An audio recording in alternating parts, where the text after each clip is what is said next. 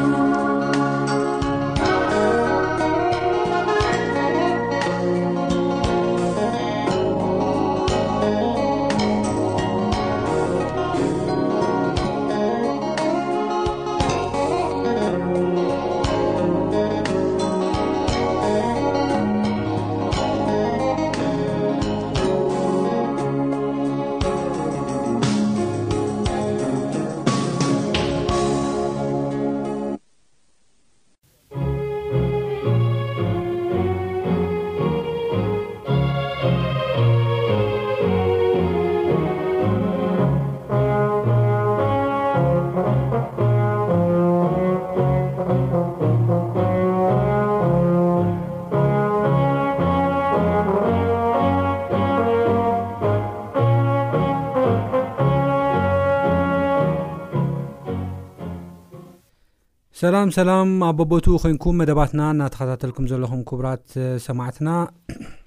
ከም ዝከር ክርስቶስ ንደቀ መዛሙርቱ ሓሊፉውን ንዓና ዘምሃረና ጸሎት ኣሎ ከመይ ጌርና ክንጽሊ ከም ዝግብኣና እዚ ድማ ዝርከብ ኣብ ማቴዎስ ምዕራፍ 6ሽ ፍቕዲ 9ሸ ክሳብ 13 ዘሎ ሓሳብ እዩ እምበኣር እቲ ሓሳብ ኣብ ዝሓለፈ ናይ ቃል ግዜና ጀሚርናዮ ኔርና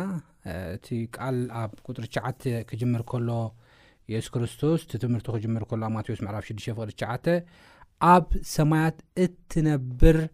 ኣቦና ኢልና ክንፅሊ እዩ ኣምሂርና ስለዚ እዚ ኣብ ሰማያት እትነብር ዝብል ንዓና ዝህበና ትርጉም እንታይ እዩ ዝብል ርኢና ኔርና እሞ፣ እቲ ቀዳማይ እቲ ዘርእየና ናይ እግዚኣብሄር ፍጽምና እዩ ዘርእየና። ኣቦ ኣብ ምድሪ ውን ኣቦ ኣሎ እዩ፣ ምድራዊ ኣቦ ንብሎ፣ ኣብ ሰማይ ውን ኣቦ ኣሎ እዩ። እዚ ናይ ሰማይ ኣቦና ካብ ምስ ምድራዊ ኣቦና ኣዝዩ ዝተፈልየ ዘይራኸብ እዩ። ናይ ምድራዊ ኣቦታትና ከምቲ ኣብ ሉቃስ ምዕራፍ ዓሰርተ ሓደ ፍቕዲ ዓሰርተ ሰለስተ ዝብሎ ብሓጢኣት እንታይ ዝተገብሩ እዮም ዝተበከሉ ዝተባላሸዉ ከም ሰብ ድማ ድኻም ዘለዎም ሰባት እዮም ካብዚ ዝተላዕለ ንደቆም ክጎድዎም ኮነ ዘይግብኡ ክገብርዎም ይኽእሉ እዮም እቲ ናይ ሰማያዊ ኣቦና ግን ፍጹም ኣምላኽ እዩ ብዅሉ ነገር ብባህሪኡ ፍጹም እዩ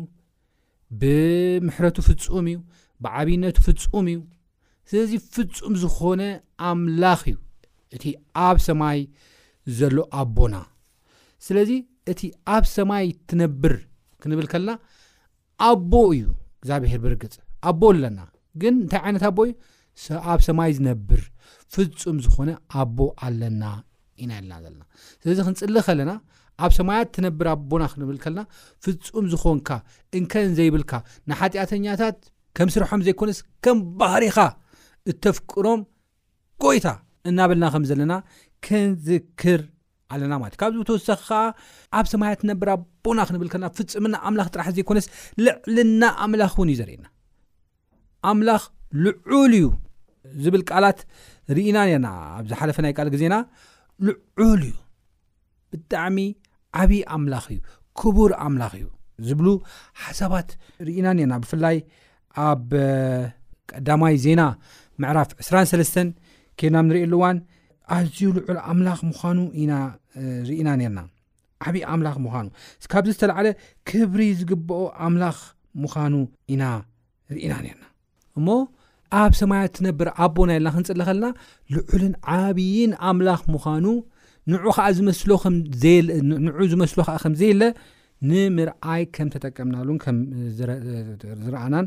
ዝዝከር እዩ ማለት እዩ እምበኣር እዚ ካብ ረኣና እሱ ጥራሕ ዘይኮነ ናይ ኣብ ሰማይ እትነብር ኣቦና ክንብል ከልና እግዚኣብሔር ኣምላኽና ሓያልን ኩሉ ዝኽእል ማንም ዝመስሎ ዘይብሉ ወን ከም ዝኾነ ርኢና ነርና ኢና ማለት እዩ እምበ ሎሚ ከዓ ንሪኦ ሓራይ ኣብ ሰማይ እትነብር ኣቦና ኢልና ክንፅሊ ከልና ነቲ ናብቲ ናይ ሰማይ ኣቦ ክንቀርብ ከልና ክንፅውዖ ከለና ነቲ ኣብ ሰማይ ኣድራሽኡን ኣብ ሰማይ ዝኾነ ጎይታ ክንፅውዖ ከለና ኣብ ህይወትና ዘምፅኦ ለውጢ እንታይ እዩ ዝብል ኢና ሎሚ ኸኣ ክንርኢ እንታይ ለውጢ ኾን የምጽእ ይኸውን? ለውጢ ኣለዎ ዶ? ኣብ ሰማያት ትነብር ኣቦና ኢለ ክጽሊ ከለኹ ጎይታ ሰማያዊ ምዃኑ ኣብ ሰማይ ዝነብር ጎይታ ምዃኑ ንዓይ ዝህበኒ ተስፋ ኣሎ ዶ? ለውጢ ኣሎ ዶ? ዝብል ሓሳብ ኣዝዩ ክምለስን ዘለዎ ወሳኒ ሕቶ እዩ። ቅድም ኢለ ክገልጾ ከም ዝፈተንኩ ሓጢኣት ኣብዛ ዘለናላ ዓለም ዓብዪ ፅልዋ ኣሉታዊ ዝኾነ ፅልዋ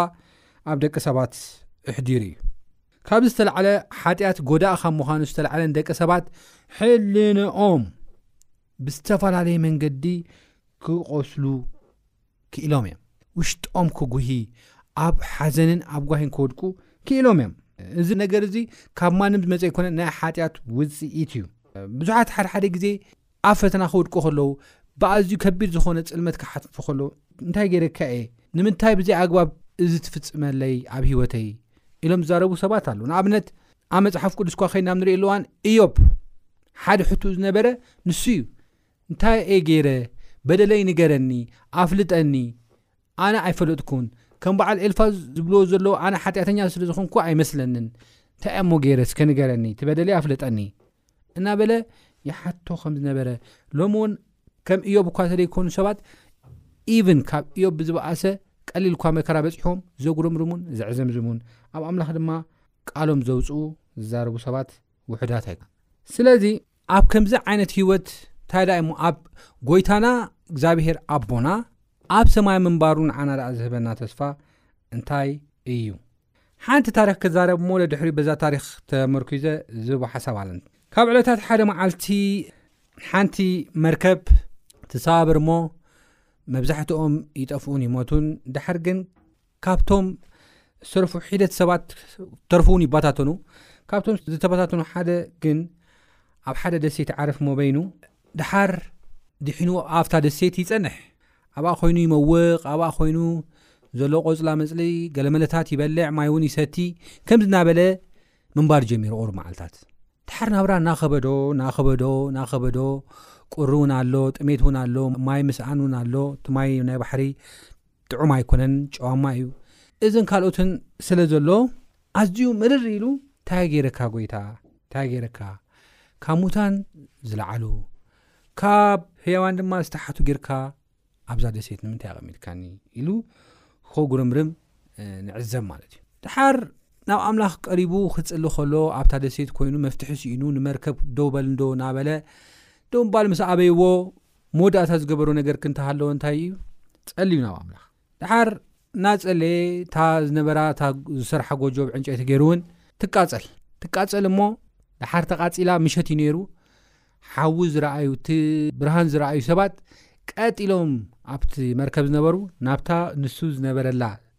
ክንደይ ሻዕ ደው በሉ ኢልዎም ምልክት ኣርእዎም ኣውያት እው እዩ ደይሰምዕዎ ድሓር ግን ተሓዊ ምስ ረኣዩ ናብታ ደሴት ተጸጊዖም ከም ዝረኸብዎ እቲኦም ድማ ናብ ቤተሰቡ ከም ዝመለስዎ እዩ ዝነገረና ማለት እዩ ሓደ ሰብኣይ እዚ ኣምላኽ ይቕረ በለኒ ኣነ ዓብነትካን ክብርኻን ልዕልናኻን ስለ ዘይፈለጥኩ ክእለትካን ሓይልኻን ስለ ዘይተረዳእኹ እየ ኢሉ ኣብ ቅድሚ እግዚኣብሄር ንስሓ ክኣት ከሎ ኢና ንርኢ ማለት እዩ ስለዚ መብዛሕትና እዚ ታሪክ ዘምህረና ነገር እንታይ እዩ መብዛሕትና ኣብ ምጉርምራምን ኣብ ምስቁርቋርን እንኣቱ፣ ኣብ ጭንቀትን ኣብ ዘይድሊ ንኣምላኽ ዘየኽብር ተግባራትን እንኣቱ ናይቲ ኣብ ሰማይ ዝነብር ዘሎ ኣቦና ባህሪ ዘይምፍላጥ እዩ። እቲ ኣብ ሰማይ ዝነብር ኣቦ ፍሉይ ኣቦ ዩኒክ ኣቦ ከም ዝኾነ ካብ ዘይምርዳእ ዝምንጩ እዩ። እዚ ሰብ እዚ ኣቦታት ኔሮሞ ክኾኑ ይኽእሉ ኣዕሩኽታት ኔሮሞ ክኾኑ ይኽእሉ ግን ኣምላኽ ልክዕ ከምኦም ጌሩ ብምቑጻሩ ወይ ድማ ኣምላኽ ካብቲ ናቱ ግርማን ልዕልናን ኣውሪዱ ማዕረ እዞም ሰባት እዚኦም ብምስርዑ ናብ ምጉርምራምን ናብ ታዕሽሙን ኣትዩ ኔሩ ነገር ግን እዚ ኣቦና እንብሎ ዘለና ሰማያዊ ኣቦ እዩ ኣብ ሰማይ ዝነብር ኣቦ እዩ እሞ ኣብ ሰማይ ዝነብር ኣቦ ዝብል ቃል እግዚኣብሔር ኣብ ሰማይ ምንባሩ ፍፁምኑን ሓይሉን እዩ ዝገልፅልና ነና ስለዚ ካብዚ ዝተላዕለ ከዓ ኣብ ሂወትና ዘምፅኦ ነገር እንታይ እዩ እቲ ናይ ሕልና ቁስልታትና ኣብ ምፍዋስ ዓብዪ ተራ ከም ዘለዎ ይነግረና እዚ ክብል ከለኹ ስኢለ ኣይኮንኩን ዝብል ዘለኹ መዝሙር ዳዊት ምዕራፍ 73 ኬድና ንሪእየሉ እዋን ኣሳፍ ዝበሃል ዘማሪ በቲ ኣብ ሓጢኣተኛታት ዚግበር ተግባራት ፍርዲ ብዘይምውሃቡ ልቡ ደምዩን ልቡ ጒሁን ነይሩ እዩ እሞ፣ ጒሁ ዝነበረሉ እዋን ግን ደሓር ናብ መንገዲ ጐይታ ተመልሰሉ ኣሎ። መዓስ እዩ ናብ መንገዲ ጐይታ ተመሊሱ? መዓስ እዩ ዝብል እስኪ ንርኣይ። ብመጀመርያ እቲ ምጉርምራሙ ናይ ኣሳፍ መዝሙር ዳዊት ምዕራፍ ሰብዓን ሸሞንተን ካብ ሓደ ጀሚረ ከንብብ እደሊ። ብሓቂ ኣምላኽ ንእስራኤል ነቶም ንጽህ ልቢ ዘለዎም ሰናይ እዩ ኢሉ ይጅምር ኣሳፍ ክጅምር ከሎ። ኣነ ግና ኣእጋረይ ሰንከልከል ንምባል ስጉምተይ ንምንድልሃጽ ቀሪበ ነበርኩ። ራህዋ ረሲኣን ምስ ረኤኹ ንደፋራት ቀናእኩሎም፣ ክሳዕ ሞቶም ስቓይ የብሎምን፣ ስግኦም ስቡሕ እዩ፣ እሞ ጸገማ ምዋቲ የብሎምን ከም ሰብውን ኣይተሳቐዩን ስለዚ ትዕቢት ከም ስልማት ክሳድ ይኸቦም ግፍዒ ኸም ክዳን ይጉልብቦም ኣዒንቶም ካብ ስብሒ ይወጻ ሓሳባት ልቦም ይግንፍል ይላገጹ ብኽፍኣቶም ግፍዒ ይዛረቡ ካብ ላዕሊ ይዛረቡ ኣለዉ ኣፎም ናብ ሰማይ የልዕሉ መልሓሶም ከኣ ኣብ ምድሪ ይመላለስ ስለዚ ህዝቡ ናብዚ ይምለስ ካብኦም እውን ብዙሕ ማይ ይሰቲ ኣምላኽ ከመይ ገይሩ ይፈልጥ ልዑል ፍልጠት ዶ ኣለዎ ይብሉ ኖርሲኣን እዚኣቶም እዮም ኩሉ ግዜ ሃዲኦም ሃብቲ ይውስኹ ኣለዉ ሙሉእ መዓልቲ ተሳቕየ ንግሆ ንግሆ እውን ተቐጺዐ እየ እሞ እምበኣርሲ ንልበይ ብኾንቱ ኣንጽሔ ኣእዳወይ ብንጽና ሓጺበ ከም ኦም ክዛረብ እየ ኢለ እንተዝኸውንሲ ንውሉድ ወለዶኻ ምጠለምኩ ነይረ ነዚ ከስተውዕል ምስ ሓሰብኩ ናብ መቕደስ ኣምላኽ ክሳዕ ዝኣቱ መወዳእትኦም ክሳዕ ዘስተብህልሲ ኣዝዩ የሸግረኒ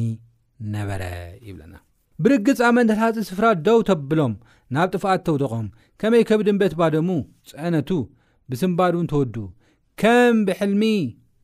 ድሕሪ ምንቃሕ ንስኻ ወእግዛብሄር ምስ ነቓሕካ ንምስላኦም ከምኡ ከተቕኒዕ ኢኻ ልበይ ምስ መረረ ኣብ ኮላሊተይ ምስ ተወጋእኹ ዕሾኹ ደንቆሮውን ነበርኩም ኣብ ቅድሜኻ ከም ኣንበሳ ኮንኩ ግናኸ ኣነ ኩሉ ግዜ ምሳኻየ ንስኻ ብየማነይቲ ኢደይ ሒዝካኒ ብምኽርኻ ክትመርሓኒ ደሓር ውን ናብ ክብሪ ክትቅበለኒ ኢኻ።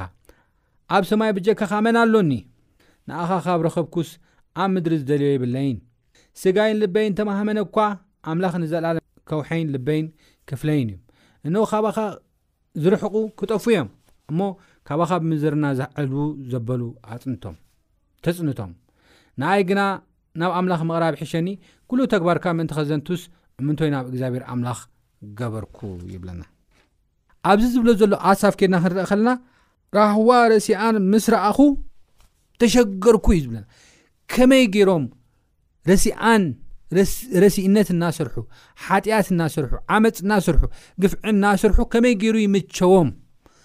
እቲ ፃድቕ ከዓ ንእግዚኣብሄር እናፍቀሮ ብመንገዱ እናኸደ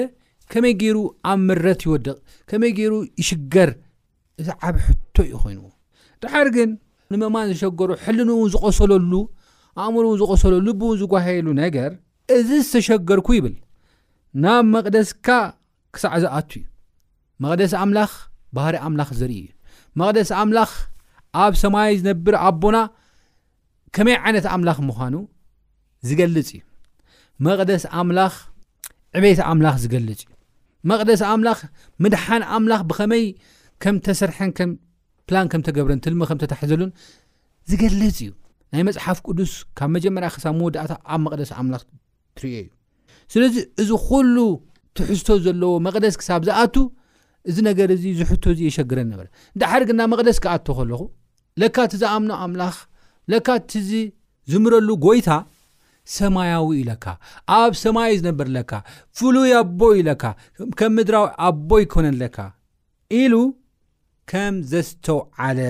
ኢና ንርኢ እቲ ዘሸግሮ ዝነበረ ነገር እውን መልሲ ከም ዝረኸበ ኢና ንርኢ ካብዚ ዝተላዕለ ድሕሪ ምስትውዓሉ እንታይ ኢሉ ንኣይ ግን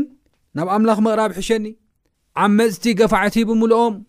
ራህዋ ዝረኽቡ እኳ እንተመሰሉ ነገር ግን ጥፍኣቶም ንቕጽበት እዩ ኣነ ግን ናብ ኣምላኽ ምቕራብ ሕሸኒ ወላ ፈተና ይሃልዎ ወላ ውፃእ ውራድ ይሃልዎ ኣነ ግና ናብ ኣምላኽ ምቕራብ ሕሸኒ ኩሉ ተግባርካ ምእንቲ ከዘንቱስ እምንቶይ ናብ እግዚኣብሔር ኣምላኽ ምግባር ሕሸኒ እንሆ ገይረ ኣለኹ እምንቶይ ናብኡ ኢሉ ናብ ኣምላኽ ከም ተፀግዐ ኢና ንርኢ ማለት እዩ ብጣዕሚ ዝገርም ነገር እዩ ስለዚ